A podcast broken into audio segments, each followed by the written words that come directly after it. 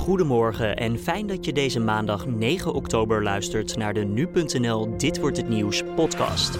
Mijn naam is Julian Dom en ik zal je in een klein kwartier bijpraten over het nieuws van nu, de zaken die verder deze dag te gebeuren staan en we hebben een mediaoverzicht voor je vandaag. Deze podcast kan je door de week vinden op nu.nl om 6 uur ochtends. Zometeen aandacht voor de kabinetsformatie en de Donorweek gaat van start. Maar eerst even het belangrijke nieuws van dit moment. Epke Zonderland heeft zondagavond zilver veroverd op rek bij de WK Turnen in Montreal. Zonderland, olympisch kampioen van Londen in 2012, miste de rekstok met één hand en slingerde daardoor ook eventjes aan één arm. Zijn oefening met één combinatie van vluchtelementen en twee losse leverde desondanks een score op van 14.233. Voor de camera van de NOS vertelt Zonderland hoe hij doorging met één hand aan de rekstok. En uh, ja, daarna was het echt op de automatische piloot uh, een beetje mijn oefening afmaken. Nog twee uh, gedaan en ja, de laatste mag gelaten voor de was. Ik, ja, ik had mijn kop er eigenlijk niet meer bij. Dus het was echt automatisch piloot mijn oefening uitturnen. En ja, ik mag heel blij zijn dat het uh, zo is afgelopen. De Kroaat Tin Surbic ging nog verrassend over de score van Zonderland heen met 14.433. Hij pakte daardoor goud. De Nederlander Bart Durlo pakte brons tijdens zijn eerste WK-toestelfinale.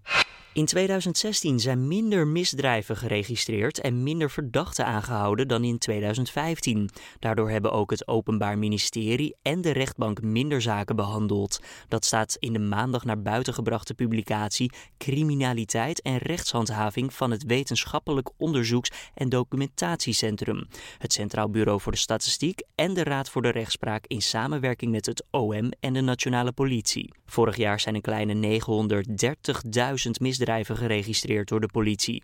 Dat is zo'n 5% minder dan het jaar daarvoor. In 2016 werden 270.000 verdachten door de politie geregistreerd en zo'n 180.000 mensen aangehouden. Het verschil in de aantallen is te verklaren doordat sommige mensen worden verdacht van meerdere misdrijven. Filmproducent Harvey Weinstein is ontslagen door de Weinstein Company. Het ontslag volgt na meerdere beschuldigingen van seksuele intimidatie van vrouwelijke medewerkers.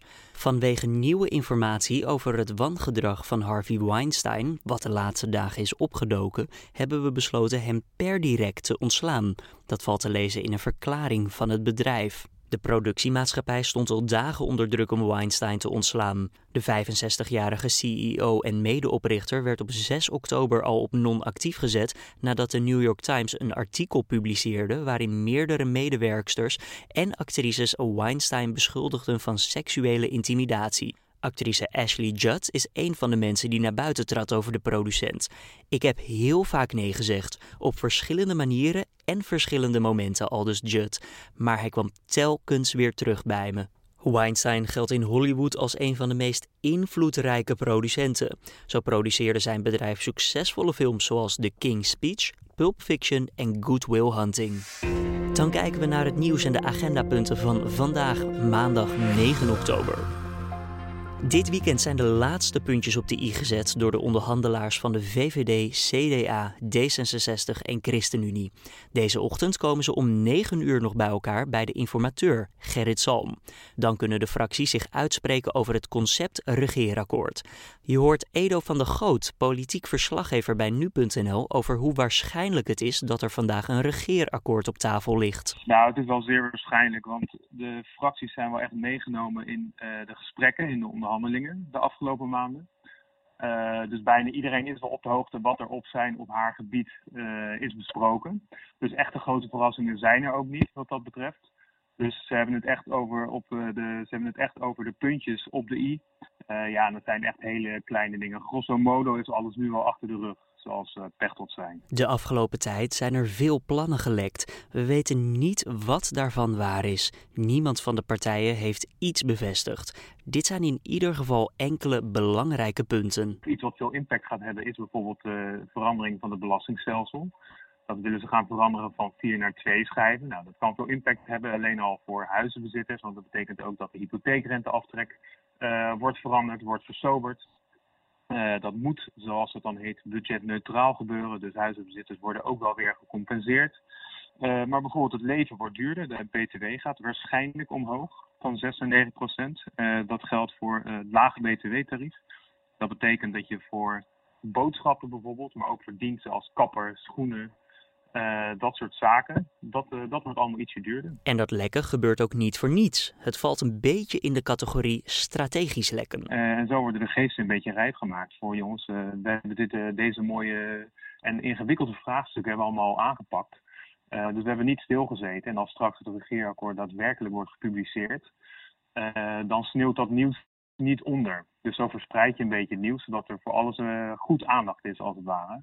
Maar ja, dat betekent ook dat de moeilijke zaken, de dingen die niet zijn aangepakt, die worden bijvoorbeeld niet genoemd. Hè. En denk aan uh, het gas van Groningen, wat gaat daarmee gebeuren? Wordt die kraan verder dichtgeschroefd? Of uh, het pensioenstelsel, dat ligt nu bij de sociale partners, bij de werkgevers en de werknemers. Of neem bijvoorbeeld, als we het toch over de arbeidsmarkt hebben, het ingewikkelde vraagstuk van de ZZP'ers ook daar uh, heeft niemand echt iets over gezegd. Dus je kunt wel verwachten dat zaken die niet zijn genoemd, ja, dat ze die ook niet gaan oplossen jaren. Vandaag op nu.nl volgen we uiteraard de laatste ontwikkelingen over de formatie. Wil je zelf een notificatie op je telefoon ontvangen bij al het nieuws hierover? Druk dan onder in de app op je mobiel bij een politiek bericht op de tag Formatie 2017. De Donorweek gaat van start. Tijdens deze week wordt extra aandacht besteed aan orgaan- en weefseldonatie om zo mensen te stimuleren hun keuze voor orgaandonatie vast te leggen in het donorregister. Waarom moeten we eigenlijk nog steeds actie hiervoor voeren? We vragen het aan Jantien Reiger van de Nederlandse Transplantatiestichting. Het is ontzettend belangrijk dat uh, mensen in het land uh, nadenken of ze donor willen worden of niet dat ze het daar met elkaar over hebben en dat ze informatie opzoeken over wat dat betekent. Want je moet altijd, in welk systeem dan ook, zelf een beslissing nemen over of je wel of geen donor wilt zijn. Je kan als donor echt levens redden, want de wachttijden zijn nog altijd ontzettend lang. Ja, er staan uh, op dit moment zo'n ruim 1100 mensen op de wachtlijst voor een orgaantransplantatie. En ook nog eens een heleboel mensen wachten op een weefsel, hè, bijvoorbeeld op een hoornvlies. Dus dat zijn 1100 uh, die mensen op een orgaan wachten. Dat zijn mensen die, uh, die zijn echt voor hun, om te overleven afhankelijk van een transplantatie. Dus er zijn heel veel uh, donororganen nodig. En jaarlijks zijn er zo'n 700 transplantaties. En dat is echt te weinig. Dus je ziet dat ieder jaar gemiddeld zo'n 150 mensen die wachten op een orgaan en op de wachtlijst staan, dat die overlijden omdat een orgaan er niet op tijd is. En dan praat ik eigenlijk alleen nog maar over het topje van de ijsberg. Want uh, om op de wachtlijst te komen voor een transplantatie moet je en dood en doodziek zijn, maar ook zo gezond dat je een transplantatie kan overleven. Want het is natuurlijk wel een hele zware operatie. En de kans om ook echt geschikt te zijn als donor is bijzonder klein. Je moet daarvoor eigenlijk gezond overlijden. Dan hebben we het bijvoorbeeld over mensen die overlijden aan hersentrauma door een verkeersongeluk. En zelfs dan zijn we er nog niet. Je moet bovendien, behalve dat je dus gezond overlijdt, eigenlijk ook nog eigenlijk ook in het ziekenhuis overlijden. Want anders zit er te veel tijd tussen je overlijden en het moment dat ze uh, de organen kunnen uitnemen om die bij iemand anders te transplanteren. Dus er zijn heel veel randvoorwaarden waaronder je, uh, waaraan je overlijden moet voldoen wil je als donor uh, in aanmerking komen. En we schatten dat van alle overlijdens in Nederland dat ongeveer 900 tot 1000 keer per jaar zou kunnen voorkomen. Dat iemand echt donor zou kunnen zijn. Je hoorde Jantien Reiger van de Nederlandse Transplantatiestichting. Je kan zelf je keuze vastleggen op donorregister.nl. Op nu.nl kan je verder ook uitgebreid lezen over de feiten en fabels die bestaan over orgaandonatie. Ben je bijvoorbeeld op een bepaalde leeftijd te oud om te doneren? Dat is toch echt een fabel. Giel Belen is vandaag gestart met zijn nieuwe ochtendprogramma bij Radio Veronica, de Veronica Ochtendshow met Giel. We konden Giel eerder al even bellen en hij zegt super zenuwachtig te zijn voor het nieuwe avontuur. Dat ben ik eigenlijk altijd al als ik even op vakantie ben geweest. Dat was ik gedurende die 12 jaar ook echt elke keer weer na vakantie. Uh, maar dat is nu natuurlijk nog iets extra, omdat ik gewoon, nou ja, een ochtendshow uh, altijd niet gemaakt heb. Ja, het is gewoon toch even een nieuwe werk, nieuwe studio, nieuwe omgeving. Alles is nieuw, behalve Giel. Die blijft natuurlijk hetzelfde. In het verleden heeft hij veel spraakmakende momenten gehad bij 3FM. Sommige vielen goed en andere iets minder goed bij de luisteraars en directie. Daarom is het niet zo gek om te vragen of Veronica nog van zich heeft laten horen over wat wel en niet de bedoeling is. Nee, juist niet. Juist heel erg. En dat was natuurlijk ook, of natuurlijk, ja, dat was ook echt wat in die gesprekken uh, naar voren kwam. dat zij heel erg willen Giel zoals ik ben en daarmee het programma ook. En uh, ja, en, en, en, ja, ik heb zelfs het gevoel dat ze de rest van het station daar wel een beetje omheen willen bouwen en in mee laten groeien. Dus dat voelt echt met, met ja, uh, wijde, wijde benen word ik daar ontvangen. En nee, geen, uh, geen restricties, helemaal niet. Ja, los van misschien gewoon een goede smaak. En ook voor de langere termijn zit het inmiddels wel goed tussen Giel en Veronica. Nou ja, ik heb een contract voor drie jaar, dus het is wel echt, uh, nou, die moet het gewoon wel uh, gaan zijn. En dat, dat, dat, voel ik ook.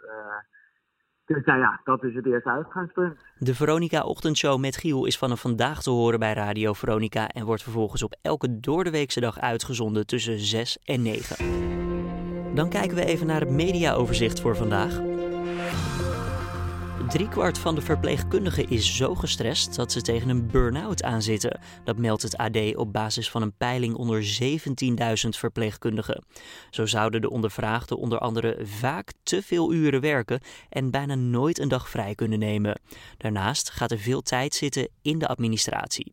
Het noodnummer van het ministerie van Buitenlandse Zaken wordt zo'n 3000 keer per dag gebeld, al dus de Telegraaf. De reisadviezen op de website en de app van het ministerie worden ook steeds vaker bekeken. Mensen bellen met praktische vragen voor hun vakantie, als ze hulp nodig hebben naar bijvoorbeeld beroofd te zijn of als ze geen contact kunnen krijgen met anderen in het buitenland. We kunnen thuisblijvers meestal snel van de actuele stand van zaken voorzien en zo nodig de slachtoffers lokaal bijstaan, al dus een woordvoerder. Wel maakt het ministerie een kanttekening. Wij geven advies over de veiligheid en bieden als het moet hulp. Maar het blijft ieders eigen verantwoordelijkheid om op reis te gaan. Dat is een afweging die de Nederlander zelf moet maken. Dan grote stakingen in het openbaar vervoer in België. Door een staking van de socialistische overheidsvakbond ACOD zal het openbaar vervoer in heel België zwaar verstoord zijn. Dat meldt het Vlaams dagblad De Standaard. De NMBS, het Belgisch spoorwegbedrijf, waarschuwt dan ook voor grote vertragingen tot en met dinsdagavond 10 uur. Ook de internationale treinverbindingen dreigen getroffen te worden. Dat omdat dinsdag ook in Frankrijk gestaakt wordt. De NS raadt aan om vooraf vertrek richting België eerst de actuele reisinformatie via de app of de website te bekijken. Dan kijken we nog even naar wat het weer zal brengen op deze maandag. Maandagochtend startlokaal met wat mist en later in de ochtend neemt de bewolking toe. Ook ontstaan er in de loop van de dag meer buien. De temperatuur ligt maandag tussen de 14 graden in het noordoosten en 16 graden in Zeeland. En voordat we bij het einde zijn, nog eventjes dit. Want op maandag 9 oktober vieren we Nationale Krokettendag. Jaarlijks zouden er in Nederland enkele honderden miljoenen kroketten worden opgegeten. Gemiddeld zo'n 25 per volwassene per jaar. Het grootste deel wordt in de supermarkt verkocht, maar toch blijft de kroket buiten de deur of tijdens het werk erg populair. Dus mocht je nog geen idee hebben voor de lunch, dan zou ik het nu wel weten. Dit was dan de Dit wordt het nieuws podcast van deze maandag 9 oktober. Zoals gezegd kan je de Dit wordt het nieuws podcast elke maandag tot en met vrijdag vinden op nu.nl om 6 uur ochtends. Je zou deze podcast kunnen ondersteunen door feedback achter te laten in de reacties of stuur even een mailtje naar redactie nu.nl. Tot morgenochtend.